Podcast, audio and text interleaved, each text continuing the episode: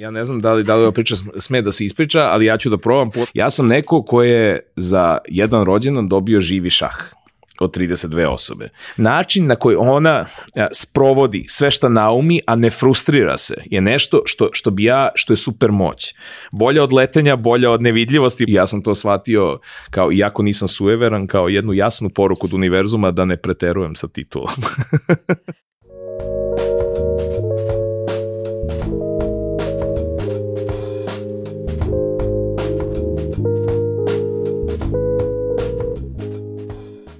Zdravo, ja sam Aleksandra Petrovski. Vi pratite Fusnota podcast, samo za radoznale. Moj današnji gost sebe opisuje kao pasioniranog ljubitelja haotičnih kombinacija neozbiljnosti i vrhunske posvećenosti. Ognjen Milićević je prvo završio medicinski fakultet, a potom i bioinženjering. Danas je naučnik i predavač. Međutim, ceo te put nije bio baš potpuno popločan svilom i kadifom. Osim toga, bavi se humanitarnim radom, organizacijom kvizova i escape roomova. Ognjene, zdravo i dobrodošao. Konačno, dobrodošao, mi dugo smo se dogovarali a, oko ovog e, razgovora. hvala ti, hvala ti što si ovaj, sada tu. A, e, ko si u suštini ti? Jel ja mogu da priznam da sam ja znao da će ovo pitanje da dođe. Uh, odpre video sam uh, stare, stare podcaste, uh, uopšte nisam zadovoljan pitanjem. nema onu za manju ocenu, to je to kolega. vidim, vidim da, da, da nema sledećeg roka. Ja sam dugo razmišljao i onda kada nisam mogao da smislim ništa od odgovora, ja, ja sam možda odgovor ništa. Kao, možda možda je, je to problem. Međutim, evo, baš juče onako pr, u oči samog podcasta sam, sam možda smislio nešto što što, je kratko i efektno kao opis. Ja sam neko ko je za jedan rođendan dobio živi šah od 32 osobe.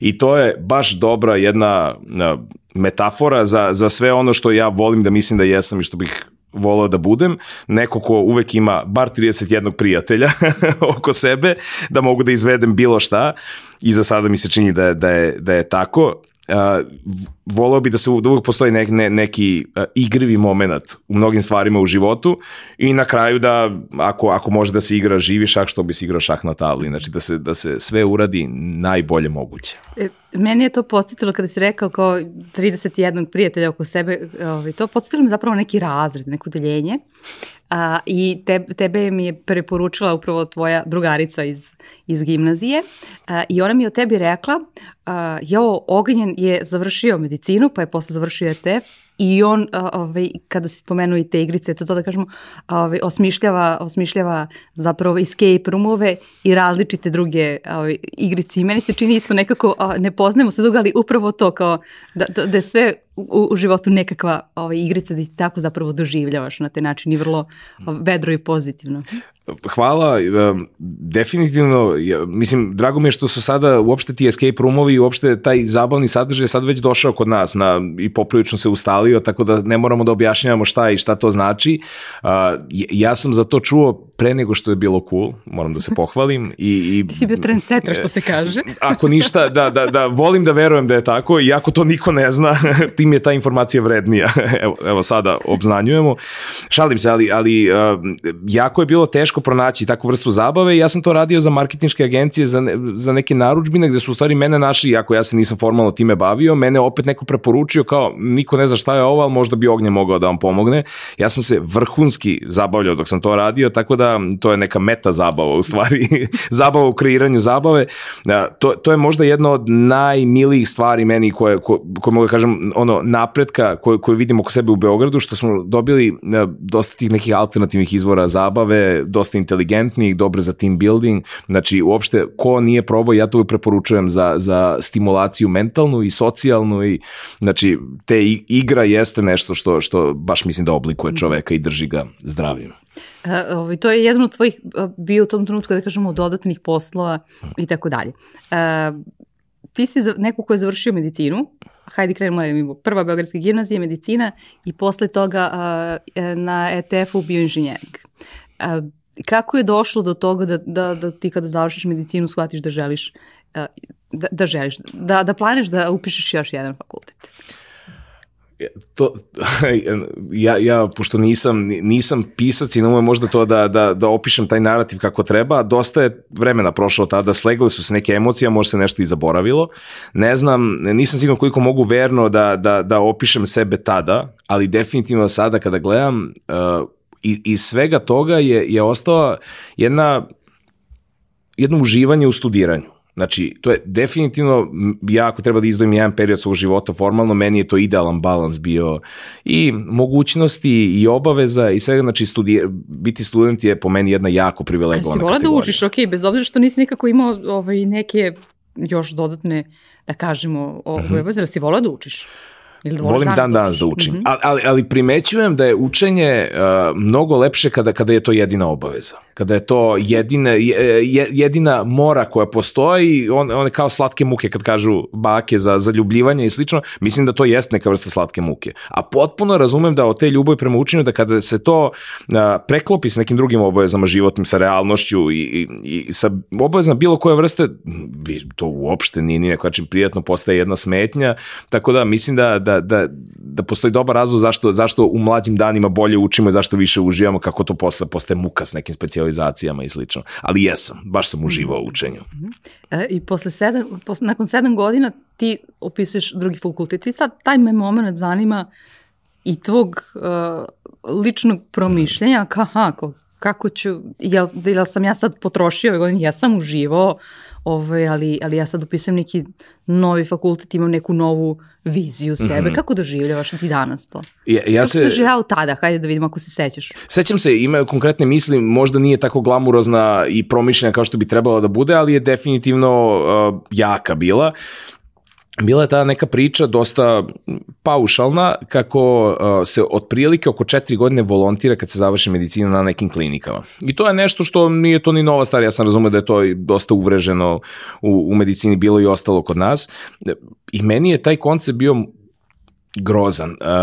Ne zbog toga što je jedan problem sa time, nije problem ni volontiranje kao volontiranje u smislu da je sad problem novac, nije taj aspekt bio problematičan, već je problematičan što vi morate da odaberete neko mesto gde ćete doći, ponuditi sebe kompletno i onda ćete čekati nekakve eksterne okolnosti koje su pritom delovali iz svih naših razmišljanja studentskih poprilično nezrelih, koje deluju dosta kontraintuitivno. Mislim, zašto bi vas neko zaposlio kad mu vi to trenutno radite za džabe? I slične misli. O, jednostavno, iako nismo mi imali neki direktan uvid u to, ja sam za šest i po godine završio medicinu, neki ambiciozni ljudi su ravno posle šest krenuli ranije da volontiraju i već smo znali da je to jedan dosta surov sistem, kompetitivan i, i uh, neumoljiv. I, I meni je ta, ta ideja da vi morate sad da se odlučite suštinski i za kliniku koju ćete raditi i za specializaciju kojom ćete se baviti, a zatim sa, sebe ste na neki način ipak uh, ubacio u jednu vrstu klopke, jer vi nemate mogućnost, ako vi odete u bilo kom trenutku, vi ste izbrisali kompletno to volontiranje, to je nešto što se zapravo dosta neformalno uh, ugovara i tako i ostaje, I, I ja sam se osjećao kao, kao šta se dešava, ja moram imati slobodu da jednom za tri godine se probudim i kažem ja ovo neću da radim i da to ne bude bačenih tri godine života. I mislim da je i sada već znam u retrospektivi za mnoge svoje kolege da je to ono što im je najteže palo, što ih je najviše oštetilo tokom tih postudijskih godina, to jest ranih radnih godina, I to, ja, ja to, meni je to bilo potpuno neponošljivo. I, i onda, na, nažalost, kada me neko pita i kaže, pa jesi probao da se zaposliš? Nisam. Znači, ja sam prihvatio kao zdravo za gotovo da ja ne mogu lako da se zaposlim, da, da me niko neće zaposliti. A to sam potkrepio i sa svojim razmišljanjem da ja u stvari nisam bio neki posebno dobar student medicine i da kada sam, sam ja razmišljao, evo kao, na primjer, što si me ti sada pitala, ko sam ja, kad sam ja sebe zamišljao nekom intervju u nekoj klinici i kada kaže, šta ti umeš dobro da radiš? Ja sam onda da bi ja možda rekao, baš sam dobro rešavao integrale. Ili nešto tako što je zapravo potpuno nevezano za medicinu i što, što na kraju i nije nikakav skill. Možete vi nekome ljudski da se svidite, ali zapravo i niste nekakav bog zna kakav kandidat. Tako da je sve to zajedno me do, do toga da ja ne mu, da, da ja neću definitivno u tom trenutku nastaviti sa, sa klasičnim medicinskim putem, ali je tih četiri godine e, možda i netačno, ali je meni uh, okinulo neki drugi neuron, tih četiri godine je zapravo oliko koliko tebi treba da završi neki drugi fakultet. I onda je meni bio za tih četiri godine, koliko me treba da se ja samo zaposlim, ja, ja mogu da završim drugi fakultet. I jednostavno ta rečenica se meni urezala, sam sam je sebi urezao i to je dalje postalo, jednostavno više se nisam pitao, je to prava stvar. Definitivno sam imao neku podršku ja, ja sam ne umem to da osvestim, ali sam imao podršku i roditelja normalno za još malo izdržavanja, definitivno podršku najbližih prijatelja i to je onda išlo samo od sebe. Da li si njima ovako rekao, kao što, kao što si sada uh, ukratko ispričao ovako sirovu tu priču, istinske tvoje razloge, ovaj, ili, ili si im pokušao malo da ovaj, iracionalnu odlogu malo drugačije racionalizuješ? Ja, ja sam, ja, ja, ja volim da, da, da te neke emotivne i teške stvari da, da, da na neki način kroz šalu i komuniciram i, i volim da, da se trudim da svima bude ugodno u tome. Ja sam od toga napravio nešto dosta neozbiljno. Ja sam u stvari položio prijemni za, za ETF i onda sam ja to slavio, pravio žurku. Ja sam kroz taj neki dosta veseo način sam ja uveo ljude u tu svoju priču. I znate, onda kad neko dođe, kad ga pozovete na proslavu nekog vašeg uspeha, definitivno onda će vas manje osuđivati i tako. Tako da ja sam u stvari izbegao teška pitanja, nisam mnogo ulazio u tu priču, predstavio sam to kao... kao Meni baš super. Da, Jeste, da. upravo to, a dođite i vama bude super. I, i to se prihvatilo dosta, ja, ja ne pamtim da je bilo nekakvih e, pitanja, nekako je to, to bilo ne mogu kažemo očekivan, nikome to nije očekivan, ali dosta brzo se to prihvatilo.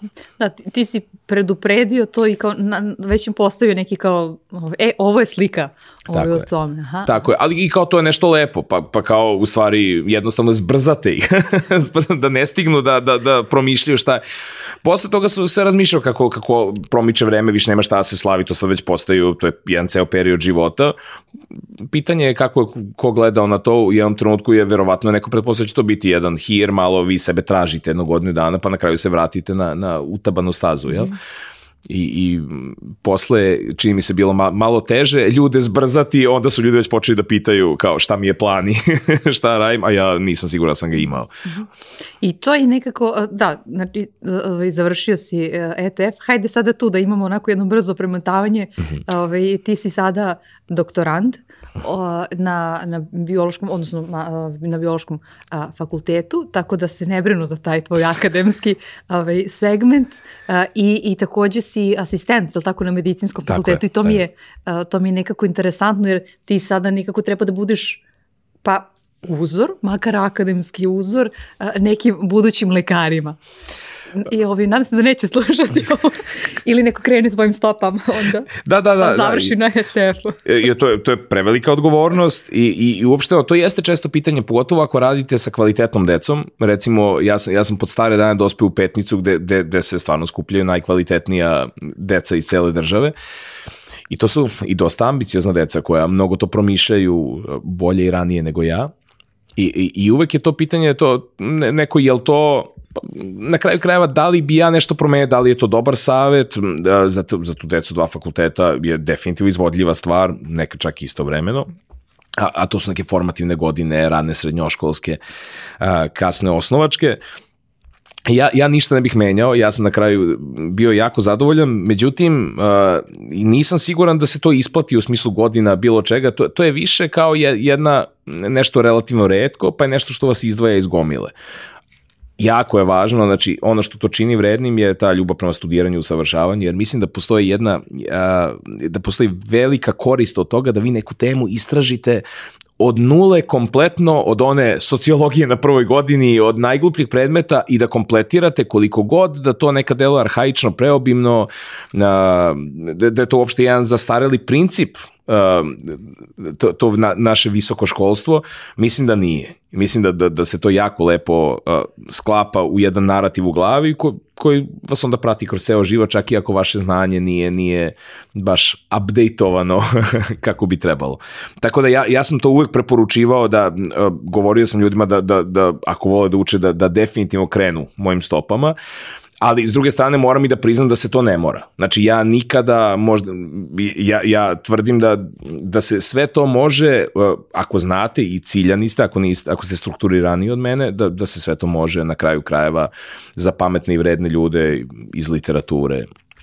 Um, sad, je, sad je ono pitanje, ok, osim što si, što si asistent, na kom predmetu veš na, na medicini? Na statistici. Da. A, ovaj, o, osim, osim što je to jedan deo a, tvoje karijere, kako ti uh, oni stručni predmeti, uh -huh. usko stručni na medicini, dan, kasnije su u tvojoj karijeri uh, ovaj, koristili. Pošto baš uh, ovaj, Marijana koja smo spomenuli, uh -huh. njen suprug tvrdi da uh, on tvrdi da biologija ušte nije potrebna ovaj, za bioinženjere i tako dalje, ali vjerojatno što nije završio, pa onda tako mora da brani To je svoj... njihova porodična rasprava, ja sam siguran koja je, koja je iznešena ovako jednostrano sa Marenine strane, ja, ja, ja ih oboje podržavam u, u tome, oboje su donekle u pravu, ne mora se sve završiti, naravno da bi se znalo i razumelo i on jeste razumeo sve biološke aspekte kao jedan svestran i pametan programer i geroj on je, prosto to, to, je, to je i do osobe. Vama fakultet jest neka garancija da ste vi i to razumeli, ali naravno to, to je nije, nije, nije potreban uslov da biste to kapirali.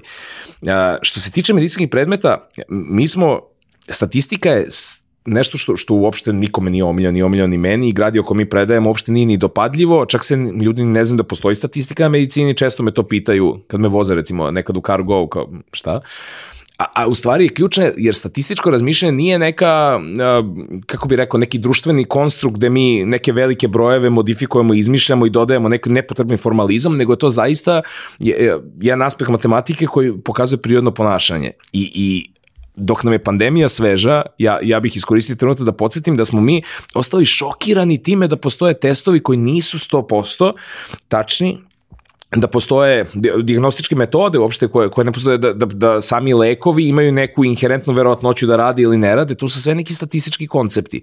I mi smo to pridodali vremenu u kom živimo i ovom pandemijskom ludilu, a zapravo to je predmet koji ja predajem, znači svaki lekar koji, koji prođe kroz medicinski fakultet mora da zna postoje senzitivnost i specifičnost svih testova, da ništa nije 100%, nekad se kaže da da je, da je amniocenteza, da to je da je kariotip za Down sindrom se nekad navodi kao 100%, ali vi dogod postoji mogućnost da je lekar umoran i da pogreši, da se pomeša dokument, na kraju do vas kao korisnika dolazi test koji ima neku verovatnoću greške. I to je statistički koncept. I ja, to se tako lepo uvezuje sa, sa ostalim medicinskim konceptima. Znači, ja imam priliku da sarađujem sa lekarima raznih specijalnosti.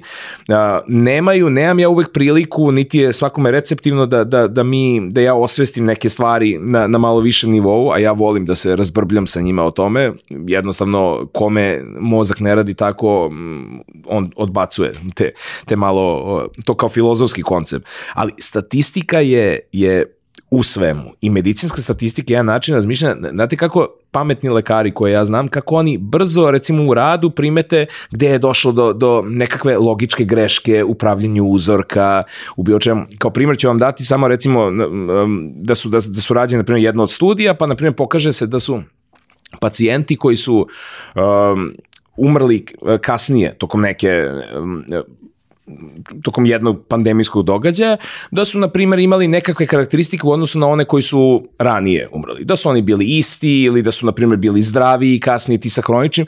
I, na primjer, kuma moja koja je neurolog, koja se ne bavi time, vrlo lako ona odmah primećuje i kreće da diskutuje na nekom Facebooku ili nečemu kako to odmah nije isto, kako mi ne znamo, ovi koji su ranije umre možda bili nezdravi, da postoje karakteristike koje te predisponiraju, da ti kraće živiš i slično. Znači to je, to je nešto što vama uopšte ne treba da znate jednu formulu i jedan broj, ali treba da, da, da znate šta su neke pristrasnosti koje možete imati, šta su ne, ne, neki faktori koji mogu biti povezani, to je sve, to je medicina. Da, na, na adekvatan način promišljeno čitati. Na adekvatan način promišljeno i tu se razvija logika i ona se jako lepo kompletira u stvari sa jednim diagnostičkim protokolom koji lekar kliničar stalno izvršava.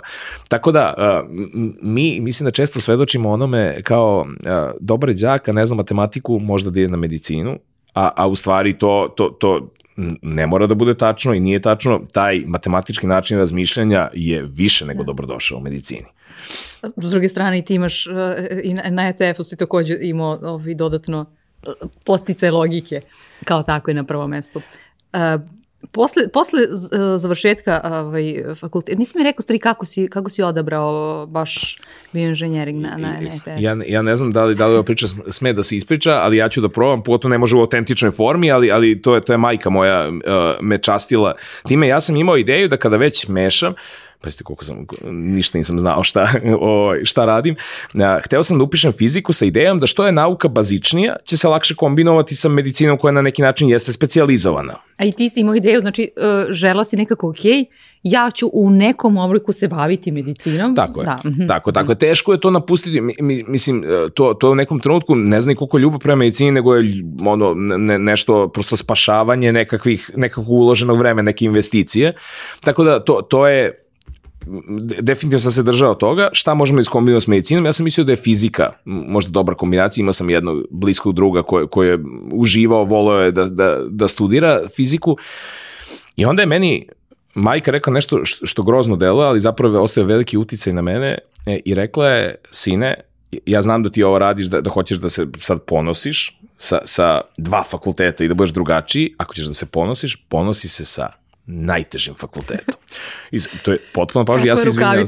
Da, da, da, da, da, za, mi, mislim i meni kao, kao ima tu jednog lagano uvredljivog momenta, ovaj, uvredljivo i prema fizici i prema drugim fakultetima, na kraju nije ona, ona nije u akademskoj zajednici, nije aktivna, to, ona, ona je više iznela neki opšti stav i, i koliko god možda bio možda neozbiljno s moje strane da ja to usvojim, ja sam zapravo, zaista sam na kraju krajeva kada već ulažem, kada idem dalje, a jeste ETF ima jedno posebno je cenjen kod nas, ja sam zapravo hteo, i, i tačno je da, da, da ta fizika zapravo opet, ako sam ja neko bez posla, to sam pomislio onda, fizika je isto neko jedno mesto koje proizvodi ljude koji se slabo zapošljavaju, pa, pa mislim to, to ima potencijal da bude duplo golo, jel? a ETF je nešto što je ako ništa bilo novčivo. Tako da, ok, upakovala je ona tu mudrost malo, malo površno.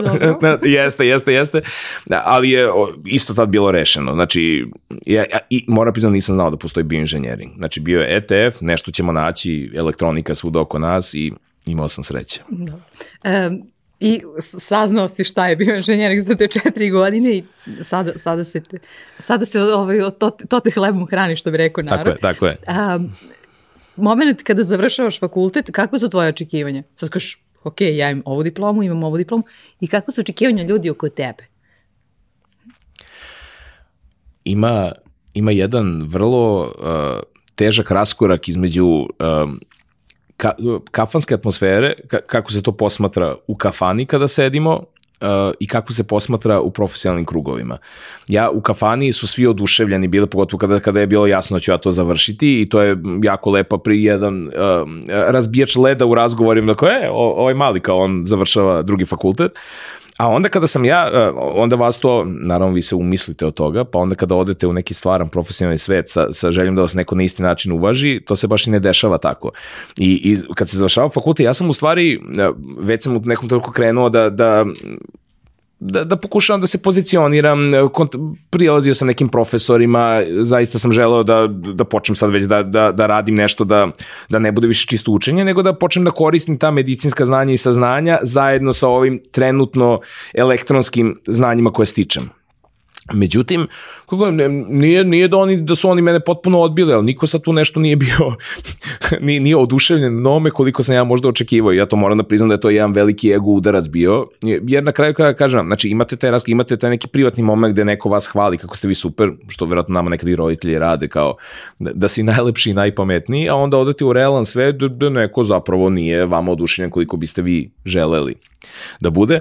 Ja ništa, nisam dobio, ja sam stvarno mislio da kad ja kažem da ja sad imam neku medicinu pa da, da ću ja biti ekstremno koristan, međutim nije se to desilo, a i nisam ni bio mnogo, mnogo koristan jer opet isto to su sve pametni inženjeri na tom bioinženjeri koji su naučili biologiju koliko im treba, znači mogu ja njima da se svidim ili ne, ali da sam ja sad njima nekakav srebrni metak za sve uopšte, ne, oni su vrlo samodovoljni i kvalitetni bili.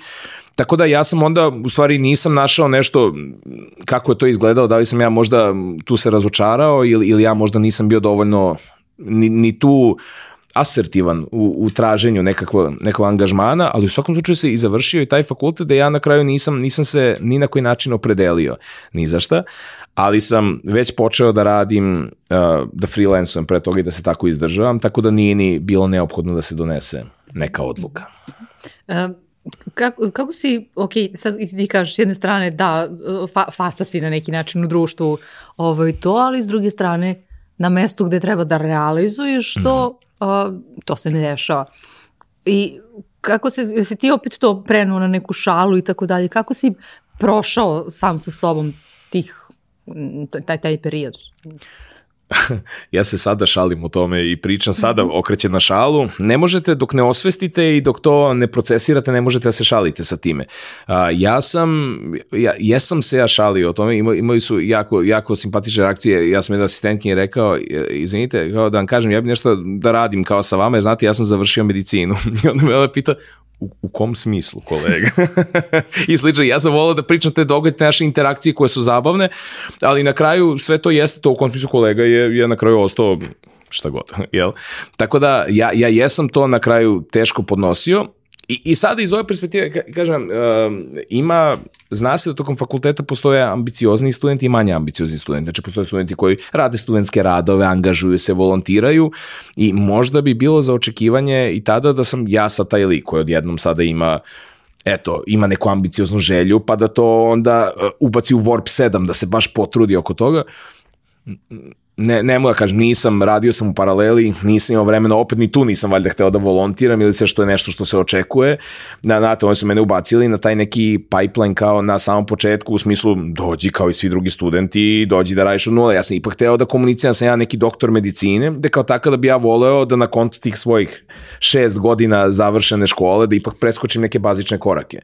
Ali mislim, ne, nema, na kraju krajeva akademski krugovi su to moram da spomenem takvi da se svi ulaze na isto mesto na početku, neko napravuje malo brže, neko malo sporije, ima više sreće ili ne, ali ne možete preskočiti te neke osnovne stepenike. I možda me i to malo razočaralo, kao kako sada mene neko nije znate, kao, kao doktora medicine, doktor medicine, ali I, i, I to je i okej. Okay. Mislim, na kraju krajeva i to me naučio da ja moram da radim i zaradim, da se na titulu samu za sebe ne može postići ništa, a možda i ne treba. Mm-hmm. Ja. A opet, uh, sad, sad ću te, sada ću te ubaciti u trenutak današnji kad se već spomenuo titulu, uh, imao si prilike da, da, da u poslovnim nekim krugovima trenutno uh, uvidiš koliko su zapravo te titule, koliko se uvažavaju na neki način. Da, da, da. I kako sad taj unutrašnji ognjen, kakav je tu monolog između, s jedne strane kao, aha, ja sam prošao težnjim putem, odnosno dobio sam takvu lekciju, a s druge strane, ovaj, sada posmatram gde se duboko uvažava neku samo na osnovu titule. Taj monolog je večiti u meni. Ja uopšte ne da nađem pravi balans kako se živi sa tim titulama, jer u stvari najgora stvar koju možete da radite kada, kada imate bilo koju vrstu titule, da li ste vi knez, doktor ili ste obućar, mislim, obućar da. bukvalno, da, šta god da ste, a, jeste da vi a, ljudima komunicirate to kako treba da ne iritirate ljude. Znači, u suštini, vi ako se postavljate kao da ste na nekom visokom konju odnosno na ljudi, znači gledate sa visine i kao obućar, znači da, da vi ignorišete nečiju potrebu za obućom, estetikom ili bilo čime, vi zapravo, onda ste, sve ste poništili. Mislim, na kraju krajeva, taj neki ljudski moment mora bude važan i, i ništa nije gore nego biti profesionalno kvalitetno, a biti bezvezna osoba. I mi to često i čujemo i volimo da diskreditujemo osobe koje su nekad i bolje od nas, da kažemo, ali zna se da su grozni ljudi. I multimilijardere često, često volimo, što je okej, okay, da kažemo da su grozni ljudi, jako su bogati i sve mogući. Uh, I u tom smislu ja, ja, ja stalno tražim neku meru kako da ja imam uce da nekoga ne iritiram sa svojim titulama kad pišem maila. Znači, na kraju se odlučim da nikad ne stavim jednu titulu, uvek samo Ognjen Milićević. A s druge strane, nekada mi neko sigurno, mislim, to je tvoje i ti si radio za to, to, to slikava neki deo tvoj život na kraju krajeva, to se negdje očekuje. Nije, nije stvar neko ega, nego je stvar protokola i, i značajno je.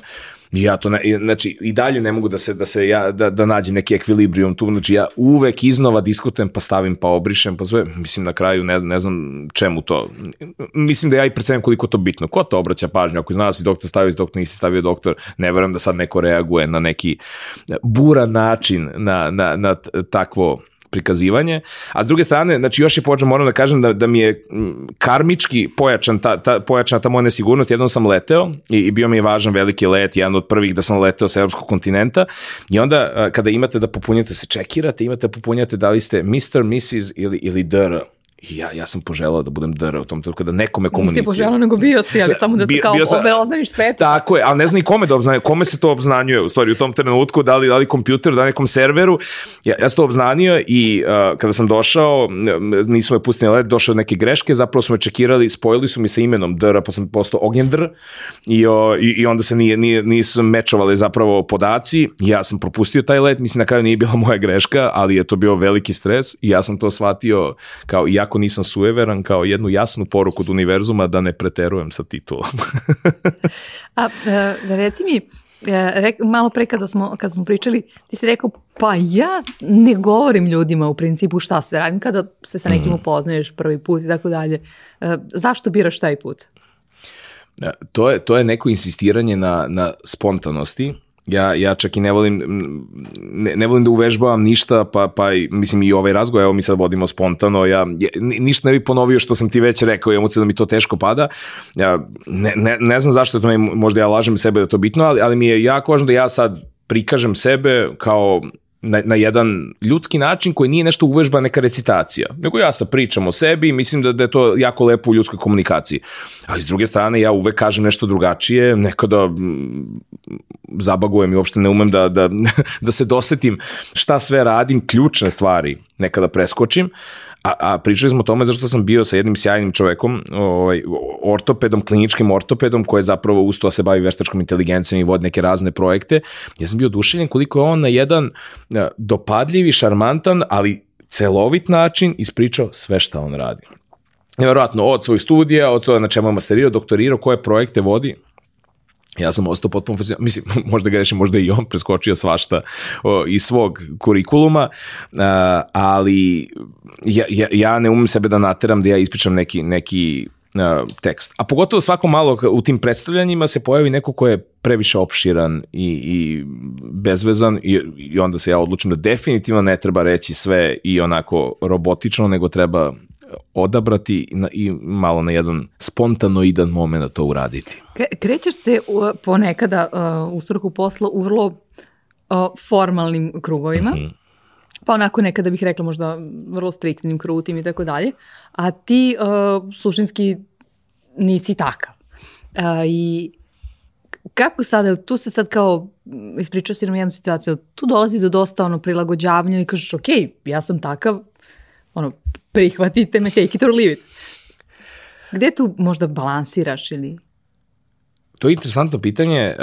Ja sam o tome razmišljao dok sam bio mlad, dok sam mislio da ću se baviti medicinom, pa sam onda razmatrao da li je u stvari ok da ti budeš neko ko je potpuno svoj, svoj i uh, unikatan, možda na neki način je to zastrašujuće pacijentu. Ako pacijent više veruje u uniformisanom, ozbiljnom, svečanom licu, kao što doktori često izgledaju, ja mislim da je to na neki način naša i dužnost da mi to u ovom trenutku radimo. Znači, ne treba da menjamo sistem, da, da idemo ka neformalnosti iz, uh, preko grbače pacijenta. Ali s druge strane, taj sistem koji, koji perpetuira tu vrstu um, tu vrstu pravila po meni nije dobar. Znači, puno se polaže na kako je ko odeven, um, uopšte šta, i to me često me kritikuju kako, kako svuda idemo nekim šorcevima i slično. Mislim, meni je to stvar temperaturna i praktičnost i uopšte ne razumem da u kom smislu tu odelo čini čoveka. Ja bih promenio sam sistem. Upoznavao sam neke doktore koji su fantazija. Postoji jedan uh, australijski neurolog koji, s kojim sam ja nešto sarađivao preko, kao deo nekog projekta, koji, koji je potpuni ne, ne umem da mu objasnim, znači kao neki Charlie iz Charlie fabrike čokolade, jel? Kao, kao neki lik Johnny, kao da ga Johnny Depp glumi kad glumi doktora. I, I on je dečiji neurolog, bavi se najtežim bolestima, ALS-om. Dakle, tu je za, uh, za, za neke rane jako teške uh, forme ALS-a uh, i, i jednostavno ja mislim da je on, možda je to vezano što je za deči, što, što on zapravo njima ulepšava i olakšava te trenutke, Međutim, tu postoji neki roditelji, znate, i vi imate neke očekivanja, a, šta želite od vašeg doktora, možda to nije mm, razbarušena kosa, sve ostalo, da, da sad ne opisujem čoveka, znači jako nestandardno izgleda. Tako da ja bi, ja bi, uh, ja se konformišem koliko mogu i treba da bi ja završio posao, jer mislim da je to najvažnije.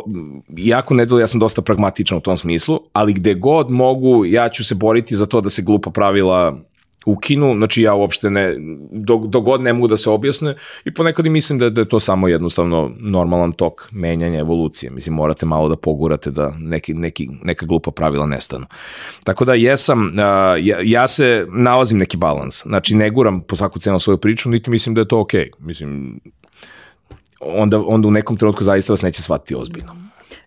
E, zato si odabrao da radiš, e, e, dosta, poslednjih godina dosta radiš sa kompanijama iz Australije, jer možeš da radiš u stvari, do, da budeš kao dopisni član i onda je okej okay da budeš u šorcu, da, čak kad imate Skype I, jest, I pre pandemije, ja sam opet sam trendsetter bio, da, da, da, i, i pre toga sam, sam zapravo poželao da, da, da imam tu vrstu slobode, ali moram da priznam da, da recimo ti moji saradnici iz Australije su, su bili jako um, jako neformalni, to je moram pohvaliti kao jedan od najboljih kolektiva radnika koje sam video i, i jako je potpuno off topic, da, znači ti ljudi su tu svoju neformalnost, inače um, direktor te firme bio, po profesiji bio je iz marketinga, tako da je malo nestandardno za taj medtech i, i mislim da se to isplatilo. Znači, apsolutno mislim da, da taj jedan dašak neformalnosti koja nije neozbiljnost, mislim da, da, da čini čuda za radnu atmosferu i poslovne uspehe.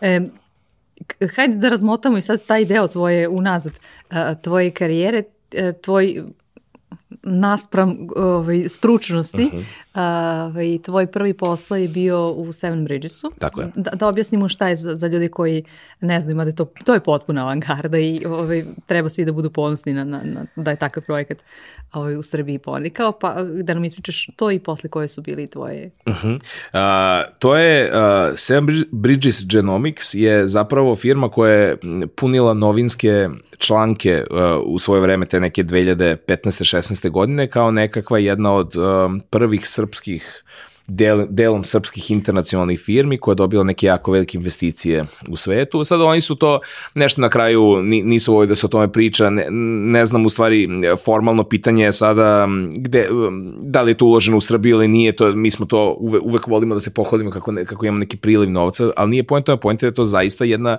vredna uh, institucija bila koja je zaposlila puno ljudi i dovela jednu potpuno novu granu. Ta genomika je nešto, nešto kao genetika, samo što je, ima jedan, uh, rekao bi, širi širi aspekt oslanja se neku komputacionu biologiju, što znači da se koriste kompjuteri za, za podatke, ima nešto slično kao data science, samo što se fokusira na, na različite tipove na, na, na, na različite tipove velikih podataka koje skupljamo iz bioloških grana, medicinskih i sličnih.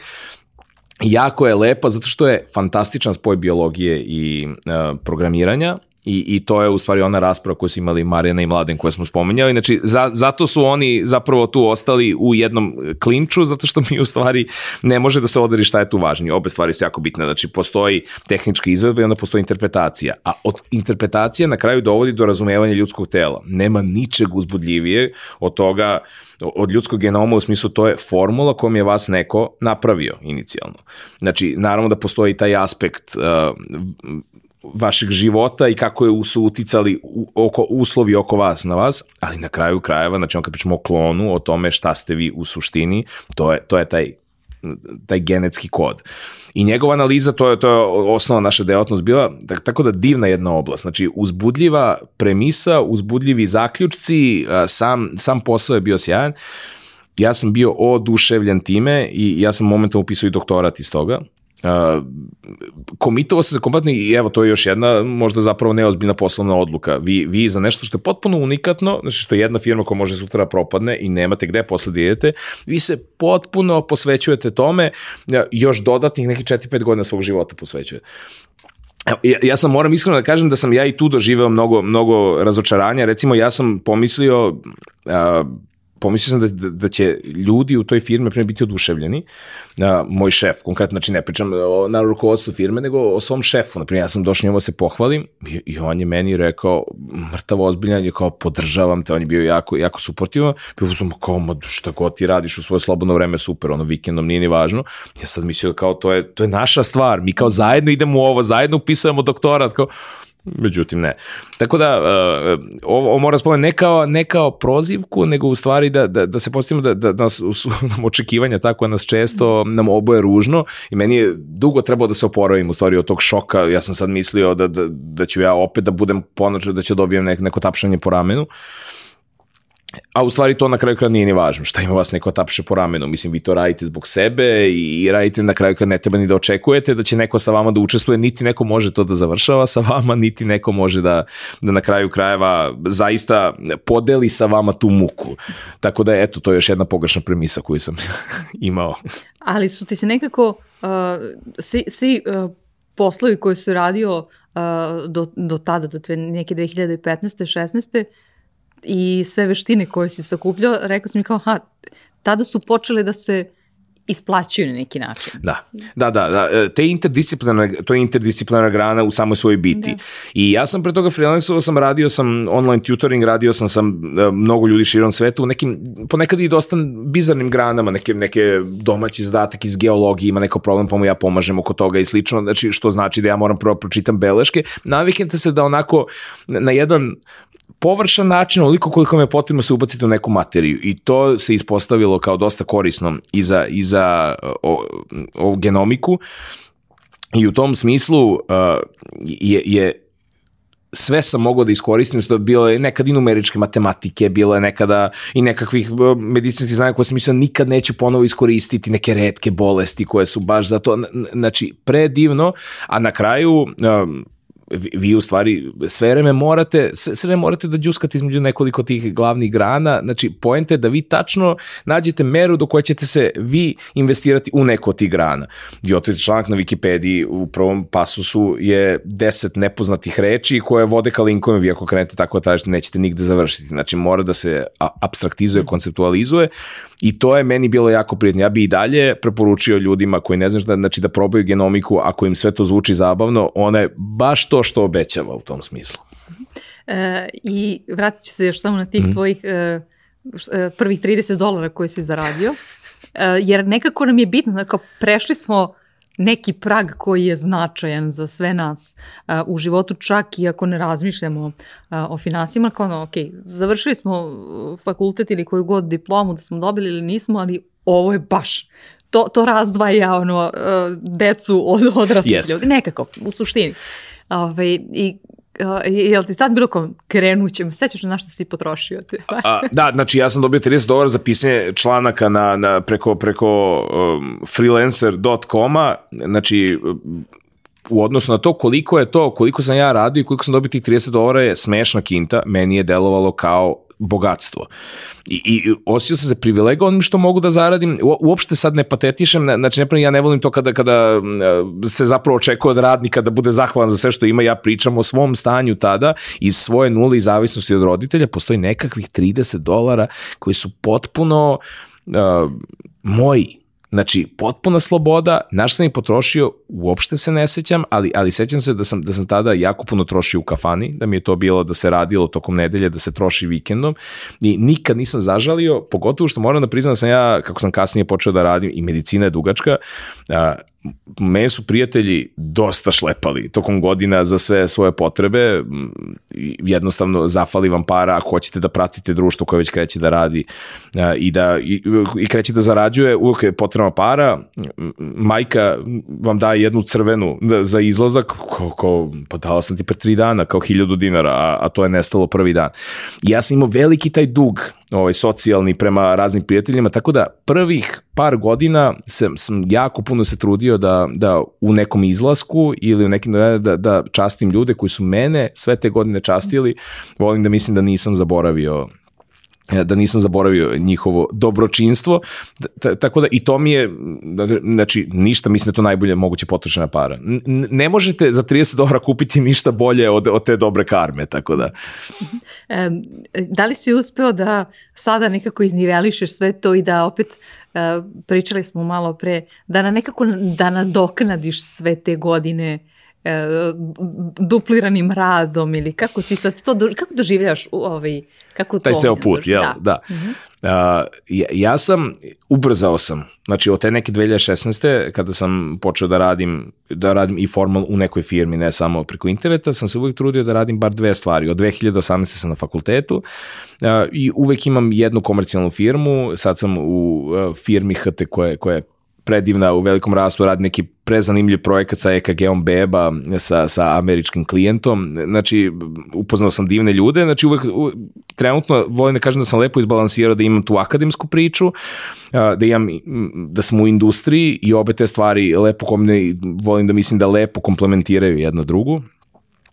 I, I za sve ostao ponekada ako postoji neki, neki jednokratan projekat gde mogu da se priključim, da nešto zanimljivo vidim i naučim i, i, i to je neki treći aspekt koji, koji volim da, koje volim da uradim.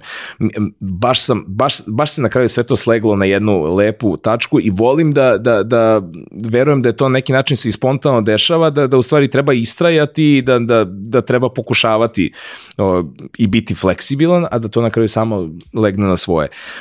U, u retrospektivi ne, ne volim da, da gledam u te godine zašto svoje prošle da previše analiziram jer je u stvari bilo teških trenutaka, a, a ja volim da se fokusiram na to da sam ja imao puno sreće u svakom od tih koraka što imam roditelje koji su me podržali u tome, prijatelje, što je nekom na kraju krajeva to ipak plaćao i izdržavao jedan veliki niz godina i stvarno sam svestan da to nemaju svi. Znači, znao sam ljude koji nisu mogli ni gimnaziju da upišu jer zbog materijalnih mogućnosti.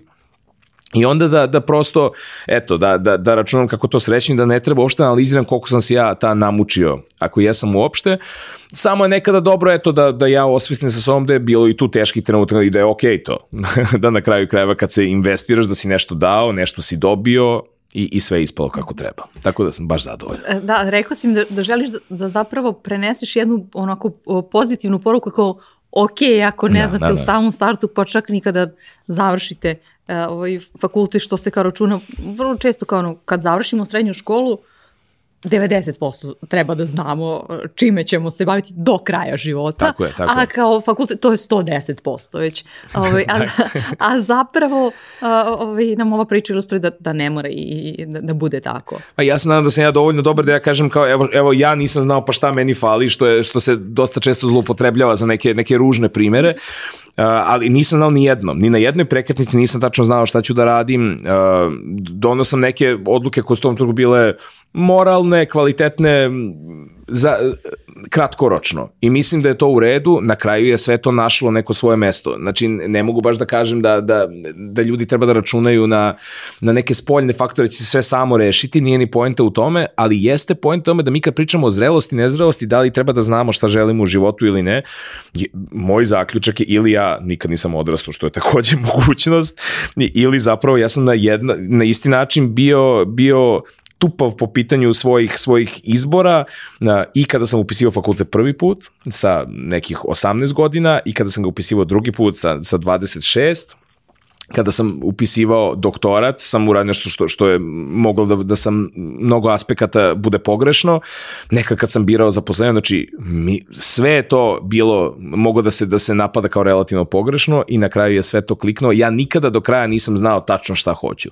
Tako da nisam ja 100% siguran da je to stvar godina zrelosti, to je jednostavno stvar možda tipa ličnosti, možda i, i ok je. To, to očigledno nije neophodan uslov za uspeh. A jel sada se i na taj način posložilo da kažeš, e, ovo meni savršeno odgovara, ja ću ovako da, da, da vozim do penzije. Da, da, da, da, ja bi ovako vozio do penzije. A, jedino što u stvari ne, ne znam koliko to dugoročno održivo, jer, jer zahteva jedan paralelizam u glavi koji trenutno meni dosta dobro ide i, i nije ni samo stvar toga da ja delim svoje vreme na više delo, da je to samo um, neko čisto uh, multipleksiranje poslova, pa kao ja sada uh, produkujem više, više radim, više zarađujem stvari, u tome da to zapravo vi nešto dobijete od tog posla, vas to oblikuje na jedan kvalitetan način, imam se da mene oblikuje svi ti poslovi.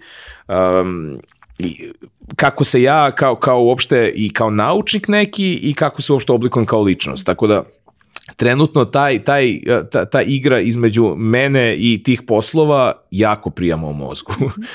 e, I kada smo, kada smo kod igre, e, ispričao si mi da, a spomenuli smo već da, da, da voliš kao igre, mhm. igre kao takve, e, da si u jednom trenutku bio spreman i aplicirao si za jedan posao da budeš game designer i da si bio spreman da zaboraviš na sve. To mi je, to mi je vrlo zna. Mislim, yes. zaboraviš na sve u smislu da počneš iz početka neku potpuno ove, novu karijeru. Ma i zaboravim na sve. Mislim, i to nije, da, znači, znači negdje između posle ETF-a sam zapravo, jako sam opet očinu na bioinženjering, znači nisam naučio da programiram u širem smislu, nisam se osposobio za, za takve stvari, a, zbog svoje strasti prema igricama, odjednom je postao moguće, ja sam, i, ili sam ja tek tad saznao da postoje te pozicije, ja sam teo da budem dizajner igrica, znači postoji, tad sam otkrio, postoji osoba kao game dizajner koja pravi dokument, koja sve određuje, znači kao režiser, jel?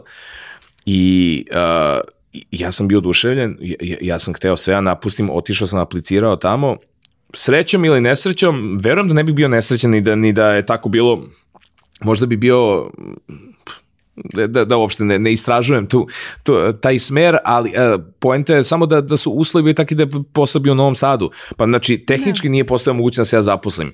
Inače, hoću da kažem, i to je, evo, iz ove perspektive, ja bi verovatno, sam trenutno malo korisniji sebi i svetu, tako da samo eto o tome koliko ne morate da znate ništa, te, te loše odluke su na svakom ćošku i sasvim je okej okay da ih razmatramo, ja bih rekao.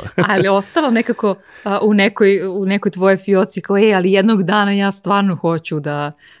da, da, u takvoj formi pravim igrice. Da? Definitivno, ja mislim da svaka normalna osoba ima onaj neki svoj penzioni moment, šta će da radi kada jednom dana Ispričajmo završi. o tome malo da, da čujemo. E, pa da, znači, meni je ta, ta, ta kofa prepuna jem i, i knjige koje ću čitati i igrice koje, koje bih radio, znači u svakom slučaju da, to se ostavlja se za neka vremena kada ja ne budem morao nešto. Pitanje je kad je to i da li će to ikada doći, ali, ali moram da priznam da više to nije jedina stvar u toj kofi. Znači, nije da su te igrice bio, ja sam se umeđu vremenu sam bio svestio da ja volim da, da i ovo što se ja igram sa svojim prijateljima i što što se potencira ta, ta mm, vrsta aktivnosti, da mene poprično zadovoljava i da na kraju isto kao što mm, mislim nije isto voleti knjige i pisati knjige, na taj način nisam siguran da bi na kraju kraja dizajniranje igrica bilo, bilo nešto za mene za ceo život. Ima tu dosta jedno samotnog posla. To, to mi isto ostaje uceg, ja sam teo da budem game designer i sad me provode kroz tu firmu na četiri sprata. To to je jedna od prvih prvih firmi koje sam ja video da kao zapravo se, to su sve IT ljudi, pa tu postoje i sokovi neograničeni i razni stolovi za stolni futbol, znači svaki aspekt je jedna, je, je, ukazuje koliko se zapravo oni trude oko zapravo koliko to je jedno kvalitetno radno mesto i svi se nekim open space-ima komuniciraju, sarađuju, a onda dolazimo do jedne sobe gde sede ti game dizajneri u nekoj potpunoj tišini, jer im treba koncentracija bez ikakve komunikacije i, i međusobne i s drugim ljudima, meni to tipski baš i nije odgovarao, zaboravio sam na taj aspekt. Tako da na kraju pitanje je u stvari koliko bi to meni odgovor koliko ja to hoću, ali eto da kažemo da ne, neke, neke igre moraju postojati i postojeći uvek. Spomenuo si u jednom trenutku kao ha, ja to moram da uradim. Mm -hmm. I kako to doživljaš bez obzira što se kao uživaš i u jednom i u drugoj karijeri uopšte, kako doživljaš? Da, uh, ja zaista bez ikakvog foliranja smatram da, da mi na neki način dugujemo prema uh, svetu koji je bio dobar prema nama, a prema meni jeste bio dobar, da, da ipak ispunimo neke svoje potencijale i da produkujemo nešto. Tako da nisam za onu varijantu da se, da se ode na sunce, na pusto ostrvo i Mada da se... može 15 dana, 20 godišnje. možda i više, znači da balansiramo sve, ali to kao trajna varijanta, znači ne, ne meni nije opcija.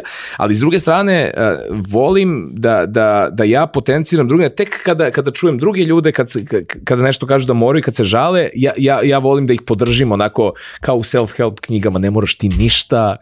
Uh, samo ne, ja sam se namorala, e, dobro. tako je, tako je, tako je, što se tiče morala i, i ja sam u tom smislu uh, onda sebe podsjetim da ja ništa ne moram. I nekada, to, to je potrebno neko stalno podsjećanje, jednostavno ubacite se u neku kolotečinu, a kad je ta kolotečina radna, ona zna nekada da vas pojede. Tako da, ne, s jedne strane treba da se setimo da, da, da se možda ništa konkretno ne mora, verovatno osim nekih, nekih važnih životnih stvari, ali poslovno se verovatno ništa ne mora, a s druge strane mora se nešto. Mm -hmm. Znači ništa konkretno, ali treba sebe zanimati nečim. Eto u tom smislu ja, ja mislim da, da imamo imperativ da rastemo, da napredujemo, ali s druge strane moramo čuvamo sebe. E, I pitala sam te to zbog, zbog one uh, kofe koju si spomenuo mm -hmm. i ja sam stekla nekako utisak gde si ti u stvari pretumbao i onako kada si malo porazmislio ispraznio u stvari. Tako da je ostalo nekoliko stvari, samo tako, ok, o, ove knjige, pa dobro, ne, moram ja baš da ih pročitam i tako, mislim da to nekako oslobađajuće onda. E, to je najlepši mogući kompliment, to, to definitivno nije tačno, znači ta kofa je uvek puna i, i a, mislim, daj Bože da se, da, da krene da se prazni, a, ne, ne znam šta bih ti rekao, a, jeste tačno da, da sam neke, neke velike stvari jesam odradio na svoj način i to ostane, to je uvek nešto što, što stoji s tobom kao neka, neka lovorika, jel? Ali s druge strane ja bih strašno, uh, strašno bih volio da, da ja to ne izgubim, jer ja u ovom trenutku nemam, nemam porodicu, nisam oženjen, nemam decu, ja, ja razumem da je to naj, najveći izazov, najteže je u, u tom smislu očuvati sebe kada postoji neko ko ti je odjednom važniji i sve na svetu, e to je nešto što, što još čekam da vidim kako će opstati, ali u svakom slučaju volio bi da to nešto prenesem i svom detetu, znači da, da, da postoji neki bucket list i da se ne živi u toj nekoj kapitalističkoj trci, kao da se samo bolji posao odradi, da se, da se ta trka pacova, već da postoji bucket list, da postoje neki ciljevi i da ti, da se razume da vremena nikad nema beskonačno, da ne možemo da čekamo penziju i da sve, nego da mora da se kofa, kako si rekao, da se kofa prazni celog života. Um, jedan divan projekat koji ste pokrenuli ti i tvoja mama, mhm. spominjali smo je više puta tokom uh, ovog razgovora, a i spomenu si koliko je nekako tebi značajno da vratimo svetu na, na ovaj ili onaj način. Zove se poklon za poklon, pa hajde da, da ti uh, ispričaš nešto o tome da ne pripričam ja svoju interpretaciju. Hvala ti što si to spomenuo. Mislim, i baš je le, lepa veza s ovim, nešto na kraju kraja to jeste jedna od stvari sa, sa bucket lista, kao, ne, ne znam da to svi imaju, kao jednog dana kad bi bio bogat kao Bill Gates, ti bi onda možda bio humanitaran kao Bill Gates. A s druge strane, ne, ne može, mislim, kad dolazi ta tačka? Jednostavno, humanitaran... Osim kod Bila Gatesa. Osim, da, da, da, da, da, niko kome osim Bilu to, to polazi za ruko. Znači, nekako, te neke humanitarne inicijative su nešto što, što mora da se radi i kada imaš dva dinara, možda mora jedan da se da. I, i jako sam bio inspirisan tokom pandemije. Dosta smo bili u nekom cyber svetu, bilo je, dosta smo osvestili o nekim uh, potrebama manje srećnih od nas i, i tu su krenute humanitarne licitacije bebe sa SMA, to je toliko meni bilo inspirativno. Znači koliko ljudi uh, ulažu para, koliko šalju tih poruka, koliko ulažu svog vremena na Facebooku, koliko se bave time. Uh, ja sam tu shvatio da da jednostavno mi živimo, da ima puno energije nekakve koja, koja može da se, da se iskoristi i da nema izgovora da vi ne budete humanitarni sada, nego da čekate kao kada imate 100 miliona, pa tada nije Ili teško da, da dati 5 miliona. neke okolnosti, da. Tako je, tako je. Znači, znači sve je to opet isto. Na neki način slično kao i to što mi čekamo pravo vreme da odemo i na dugi odmor i na sve. Znači sve to mora sada. Šta kaže, ona kineska pravo, najbolje vreme postaviti drvo je pre 20 godina, drugo najbolje je sada, jel? I onda ja sam počeo da razmišljam prvo dosta u nekom čudnom smeru kao, kao koliko, koliko ti ljudi ulažu energije da dižu te postove, da dižu visibility, da šeruju. To je osnovna stvar na društvenim mrežama. A s druge strane, kome se to, to mislim, recimo kod tih humanitarnih licitacija, vi dižete jedan post na račun drugog te dece ima beskonačno ljudi. Generalno, potrebe za, za novcem su beskonačne. I onda se posle pitanje, mislim, šta, šta vi radi, kako se ta energija ulaže? I sada Ognjen freelancer, stari se uključuje i kaže, postoje neki najniži oblici posla. U moje vreme su bili neki data entry i slično gde, gde za neke, za, za beskonačno male pare vi ne, radite neke repetitivne poslove unošenja podataka i slično. Kao što ovi ljudi repetitivno stavljaju smajlije, up, bravo i slično. Uh, čak nisu ni sigurni do kraja kakav je Facebookov algoritam, kako on to diže, da li to zapravo ima efekat ili nema, da li smiley imaju, šta mora se stavi i slično. Ja sam onda pomislio da ti ljudi s tom energijom da rade neki data entry, da nađemo nekog ono lika tamo da im da, to su neke cifre, naprimjer 100 reči za, za, za dolar, mislim, jako, jako niske cene, opet bi se tu zaradio neke pare, bile bi korisnije nego ovo da se pretače iz jednog deteta u drugo ovaj, u smislu tih resursa i sve.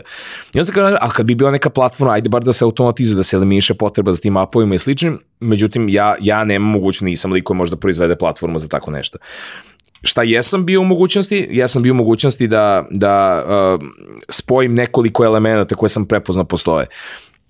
Moja kuma je dala prostor u svojoj zgradi koja nije bio korišćena, bio je pripremljen za ne, neke komercijalne delatnosti i nije se koristio. Moja majka je imala, kroz godine je skupila, uh, država neke butike, skupila jako puno kvalitetnih stvari i vola da ih poklanja. Znači ja sam znao da ona ima humanitarne tendencije, ali da ona nisu strukturisane, ona nije mlada žena, ne, ne ume ona to da, da, da u cyber svetu diseminuje, I shvatio sam da zapravo samo treba da se uloži možda neki novac da se malo taj prostor sredi, da se neki početni kapital da, koji sam ja imao u tom trenutku. I da se napravi neka inicijativa, da se zapravo kao te humanitarne licitacije neki način prenesu u realan prostor. I to je na kraju vrhunski uspelo zbog toga što u stvari deluje kao nešto neočekivano s tim što taj koncept postoji. Postoje i nabavljenost neka te stvari, postoje charity shopovi, na primjer u, u Velikoj Britaniji, gde ljudi doniraju i sve se to prodaje i do dobrotvorne svrhe. Samo što je to neki sistematizovano, dakle, postoji protok novca na licu mesta, to je kao prava radnje, samo što ide do dobrotvorne svrhe. Direktno, da. Tako je. E, twist koji smo mi napravili, u stvari šta, šta je jedna inovacija, u stvari što mi, pošto nismo bili sigurni da će to uspeti, nemamo, nismo moćni na taj način da možemo da osnovimo neku organizaciju, fondaciju i, i, i slično, znači nemamo ni znanje, ni, ni resursa s time bavimo, e, onda smo želeli to da uradimo kao pojedinci, a s druge strane ja, ja istinski verujem u regulativu, znači da, da ne može bilo ko da dođe i kaže e, daj mi pare, ja ću da uplatim i slično. I onda smo to, to izbjegli tako što, što se zapravo u, u našoj radnici, u našem lokalu, poklon za poklon, ne znam kako da nazovemo, jer ništa ne prodajemo. Znači, mi zapravo, neko dođe, odabere stvar, mi stavljamo neke cene relativno simbolične i ta osoba umesto da plati nama, direktno vrši uplatu na neku humanitarnu adresu mi smo jako fleksibilni po pitanju toga gde šta može, gde, gde može da se uplaćuje, mm, minimalno proveravamo samo, samo osnovne stvari, znači na kraju krajeva razumemo da, da, da svako ima neku svoju inicijativu i preferenciju gde bi uplaćivao i, i trudimo se da se ne mešamo u takve stvari. Nekada preporučujemo, imamo nekakve, imamo tablu gde smo okačili nekoliko, čini se, kritičnih članova fondacije Budi Human, imamo za životinje ko voli za kuce, maciju, ljudi su uplaćivali za konje, imamo autonomni ženski centar, znači trudimo se pokrijemo i uopšte nismo, znači svako može da dođe i da zalepi nešto svoje, da se da prosto uh, ukaže na to gde je potrebna pomoć. I, I uopšte mislim da toliko, ponavljam, toliko para fali, da je bilo kakva rasprava gde da idu pare je bespredmetna, jer mi imamo relativno veliki protok tih donacija, znači sada smo se ustavili na oko 30.000 dinara dnevno, što je, što je deluje kao velika para, s druge strane to i dalje da bi se jedna beba koja je potrebno 300 miliona dinara da bi se, da bi se zapravo da, da, da kažem pomogla mi smo nešto računali da to treba da radi, ne znam, 70 godina ili tako nešto, tim tempom. Da, ali s druge strane kada bi postojalo još 20 ili 30 sličnih inicijativa širom Srbije bilo bi, bilo bi malo lakše. Tako da ste ovaj, dali ste, dali ste svoj primer. Hvala, hvala, da. trudimo se. Mislim da je to lakše, znači ključ je eto samo da ukažemo, nije to originalno u smislu humanitarne e, misli, na kraju ne, to, to je postojeća humanitarna energija koja već postoji -hmm. u, u Srbiji, ali, ali eto, lepo ukazati koliko je sve to lakše sa ovim online te, tehnologijama, sa, sa digitalnim tehnologijama. I, I u tom smislu e, je jedno što ja mogu e, ja mogu da pozovem da ako neko hoće da se znači poklon za poklon, ako neko hoće od nekih većih uh, institucija, firme, ako neko hoće da pomogne, mi prijamo donacije svih mogućih vrsta. Znači, uopšte se, inicijalno smo to počeli sa odećom jer smo odeću imali, prijamo knjige, igračke, apsolutno sve što može da se, da, da postoji fizički u prostoru, da, da neko donese, a zatim da neko a, donira i, od, i odnese, mi, mi a, navijamo za to. Nemamo, tek smo počeli i nemamo nikakvu moć s kojom bismo mi prišli nekoj instituciji i rekli, ja bi recimo strašno volao da neka uspešna poslastičanica, na primjer, donije neki kupon za neke svoje kolače priče ili nešto, znači da budu, jer takve stvari se pojavljuju, znači sve i svašta se donira na tim online licitacijama, da neko to isto radi, radi i kod nas. Uh, eto, ja se nadam da, da, da smo mi ultimativno transparentni i da je tu jasno da, da ne postoje nikakva malverzacija, ne postoji čak ni prostor za neku malverzaciju i, i da baš to, da podstaknemo da zapravo svako može na, na sličan način da uradi. Eto, dajemo svoje vreme lako, samo je u stvari suština da nekada i prostor, ukoliko nam nije kritičan, možda je lepo da se i on donira, jer i to je jednako naplativo kao i vreme. Ne mislim da to, a mislim da nemamo, nemamo nismo to osvestili do kraja. Znači, eto, te neke realne inicijative u prostoru, mislim da je to ono što, što bi recimo bio lep sledeći korak u odnosu na, na online human, humanitarne inicijative. Da, čvršće i dalje, bez obzira što mi živimo dosta u online svetu, čvršće su i dalje ovaj, te veze koje se na taj način stvaraju.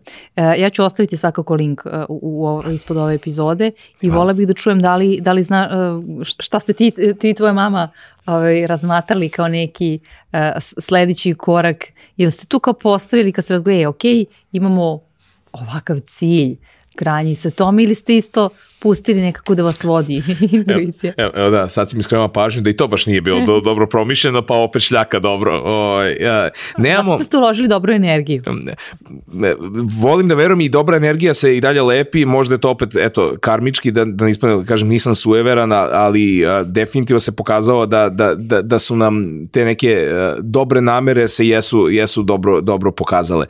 A, mi smo a, malo nestrukturisani, u smislu nemamo iskustvo nikakvo, a, da se razumemo, znači nismo izmislili, na, ja sam potpuno svestan da je, da je humanitarni rad nešto čime se ljudi vrlo ozbiljno bave vrlo dugo i muče se i da je na kraju krajeva postoje ciljani problemi koje, koje neko rešava. Znači, mi bismo s jedne strane voleli da budemo korisni, da sarađujemo, otvoreni smo za svaku vrstu saradnje, ali, ali znači da mi nemamo neku svoju viziju. Mi bismo mi, i, i sve vreme ostavljamo da to nas odvede negde gde je nama zanimljivo. Je sada a, mi opet pravno ne znamo koje su nam ograničenja, kao jedne građanske inicijative, pa recimo moja majka je sada, sada ekstremnu želju ima da ona sad nešto kuva, pa da se tu, na primer, za, neke, za neku hranu isto ostavljaju pare i slično. Ja uopšte ne znam kakva je to situacija sada, s obzirom da mi nismo restoran. Ja, da je to... Ste to rekao, da, uputit ćete na, na, na solidarnu kuhinju, evo kad smo se dotekli te, te teme Ovaj, to, to isto mesto gde se može da. Tako i počelo da nismo, uh, inicijalno smo, uh, je uh, misao bila da, da ponudimo solidarnu kuhinju jer su tražili prostor, mm. čak ima jedna velika ventilacija, prostor, prostor je osposobljen da kuvanje, za kuvanje. Razlog zašto u stvari nismo je što nije jasan status te zgrade i postoji mogućnost da ćemo već da. za nekoliko meseci morati da izađemo. I onda u tom smislu a, mislim da ne bi bilo fair da, da mi nekoga uvodimo, da se instalira, se donosi instrumenti i slično, a, a da je a, da, da, da u stvari to, to je, je to sumnjivog ishoda. Ono što jeste plan da u svakom slučaju ukoliko ovo ne uspe, ja bih jako voleo da se taj prostor koji smo mi sami renovirali i sredili, da, da se on da nekome drugom na korišćenje, tako recimo solidarnoj kuhinji. Mm -hmm. Tako da, eto, to nam je jedno isko koje imamo je da, da, da bismo volili da, ako, da ne insistiramo da mi to vodimo, ako može da to zažive nekom drugom obliku, sva, svaki naš trud se isplatio. Hvala, hvala ti na podeljenom onako ovaj, iskrenom stavu prema onim na svemu što radite još jednom i tvoja mama, a i ti ona donira takođe svoje vreme, ovaj, dobrano svakoga dana. Da se to ne zaboravi, da, da je ljudsko vreme, ogromno vreme se donira ne, ne samo mi, nego znači, ka, kažem, širom Srbije, da nije sve u, u, u SMS-u i u, u novčanom obliku. Mislim da je to baš važno da se, da se spomene. Um, I za kraj sam ostavila tri pitanja, uh, sada uh, za, za onog veselog i razdraganog ognjena. Šalim se, uh, od, od nedavno imam običaj da, da postavljam gostima uh, tri pitanja. Jedno je uh, koga bi to uh, ili, ili nekoga iz neku ličnost iz javnog života ili opet nekoga iz tvoje porodice voleo da, a, a ne mora da bude naš savremenik, voleo da odvedeš na, na doručak, čemu biste to? Je to ili ili? Može i, ali ne mora da budu čak zajedno, mogu da sede odvojeno. Mislim da izvedeš jednu osobu pa drugu osobu. Od, uh, iz svoje porodice bih izveo svoju mačku, voleo bih da postane ljudsko biće i voleo bih da, da sednem sa njom, da ja čujem kako bi izgledalo kako bi izgledala ta osoba. Znam da to deluje sada potpuno um, izmešteno i malo suludo, ali uh, to, karakter koji ona ima, uh, jedna penetrantnost koja se naravno odnosi na, na hvatanje hrane, dakle ne, ne na, na, na složene radnje, način na koji ona a, sprovodi sve šta naumi, a ne frustrira se, je nešto što, što bi ja, što je super moć. Bolja od letenja, bolja od nevidljivosti, bolja od svega, znači da to vidite kako, znači će strpljivo čekati, zgrabiti, a vi ćete sto puta osujetiti u tome, ona će sedeti sa potpuno mirnom poker face-om, znači ja bi da, da, da ona postane ljudsko biće i da ja upijem o, tu veštinu. Od nisam siguran za, za poznatu ličnost ko bi, iskreno nis, nisam razmišljao, nadao sam se da, da, bi, da bi mi došlo, u principu uh, jako malo jako malo pratim medije aktivno i onda ne, nema neko ko, ko mi se ko mi se baš sviđa, evo recimo Bill Gates zapravo bih, ja bih voleo da, da pričam s njim, spomenuo sam ga kao, kao neki uzor, neki tek i svet, nešto humanitarno, ja bih voleo da čujem kako taj čovek zapravo uh, uh, ostao na neki način unikatan u odnosu na sve te druge milijardere i njihove uh, egoistične projekte i sve, zapravo kao što mi se jako ne, ne sviđa trend super milijardera, tako bi tog jednog jedinog koji mi se sviđa bih izveo na kafu da ga čujem, deluje mi kao neki lik koji s kojim bio ok piti kafu. E, koje bi tri predmeta e, poneo na pusto ostrovo, ali znaš da tamo ostaćeš do, do kraja života i neka, neka tri tebi dragi ili korisna predmeta? E, mislim da sam ja popriličan zavisnik od sadržaja. Znači, kao što sam rekao da medije ne gledam u smislu ovih klasičnih medija, tako isto bih morao, jedan odgovor bi morao da mi bude uh, laptop. Znači, uopšte ne mora ta metaforma nije, znači da, da postoji uh, izvor informacija, to je jedna stvar. Druga stvar, uh, strašno bih voleo da imam, da imam jedan uh, tiganj od livenog vožđa, znači jedna od najopuštujućih stvari koje mogu da zamislim su oni sli, slike kuvanja u prirodi, gde se, gde se znači to mi je fantastično, to, to, mi je kao screensaver, to doživljavam, neki koji bi mogao da, u koji mogu da buljim satima, znači definitivno um, ne, nešto da se kuva i, i uh, treće, imam utjecaj da bi voleo da ponesem nešto, ne, ne mogu da se ločim tada, voleo bi da ponesem nešto lepo, Uh, imam ucam mi to dosta način da u nekoj znači, prirodi nešto lepo ljudski napravljeno. Znači, znam da to delo površno, ali bi strašno voleo da imam jedno, recimo, neko Fabergeovo jaje. Nešto je nešto kao, kao jedna treća, treća vrsta ljudske posebnosti kad ste već na pustom ostu u nekoj prirodi, u nečemu što je potpuno drugačije, da imate jedan taj podsjetnik da je ipak civilizacija nešto fantastično kad se lepo iskoristi. E, Ognjene, bez kog znanja ili veštine ti danas ne bi bio ovaj čovjek sa kojim ja razgovaram sad? To je najteže pitanje opet za kraj. A, ja, ja ne znam, ako kažem veština razmišljanja, to je preseljački odgovor, znači stvarno uopšte mi se ne sviđa kako to, to uh, izgleda, zato što na neki način implicira kao da neko drugi ne razmišlja i da je to, da, da sam ja sad neki uh, erudita ne znam kog ranga, kada kažem razmišljam, uopšte ne mislim da, da razmišljam i dobro razmišljam, mislim da, da uh, u životu sam, sam svašta promišljao i ništa nisam olako uradio, a ja sam grešio na kraju. Znači, koliko god da sam ja ispotencirao u svemu ovome kako, kako nisam znao gde će me šta voditi, ipak sam uh, i, ipak sam uh, promišljao i nisam, nisam olako stupio. I tako isto i u ljudskim odnosima i u ovom poklon za poklon. Um, jednostavno i da se pogreši, imala se najbolja namera, namera je proizišla iz, iz nekog razmišljanja. Tako da rekao bi da, da bez, bez svoje sposob, donekle i obsesivne potrebe da razmišljam o svakom koraku, ne bi bio to što jesam. Jer na kraju krajeva ispao sam pažljiv prema sebi, prema drugima, to se isplatio na mnogo načina i to jeste neka, neka veština u stvari da vas, da vas ne zamara, jel, da, da, da premišljate nekada, ali da u svakom slučaju obradite svaki deo kako treba. Ognjeni, hvala ti. Uh, ja pozivam sve ljudi koji su do kraja uh, oslušali ovaj naš razgovor da nam u komentarima ostave, ostave neki predlog kako bi mogao da, da unaprediš poklon mm -hmm. za mhm. poklon i naravno na prvom mestu uh, da, da dođe uh, u ovom trenutku u Rigi Otvere ako su u Beogradu da uzmu neki poklon i da nekom drugom poklone novac kao donaciju. Hvala ti još jednom što si bio moj gost i cenim zato što si u ovom raspored uspeo da, da pronađeš i, i ovo vreme. Molim i drugi a, a i što si, što si nako prorazmišljao ovaj, kroz čitao ovaj razgovor. Hvala, zadovoljstvo je moje i, i puno uspeha u daljem radu, ovaj divan podcast i nadam se da će biti sve bolji. Hvala.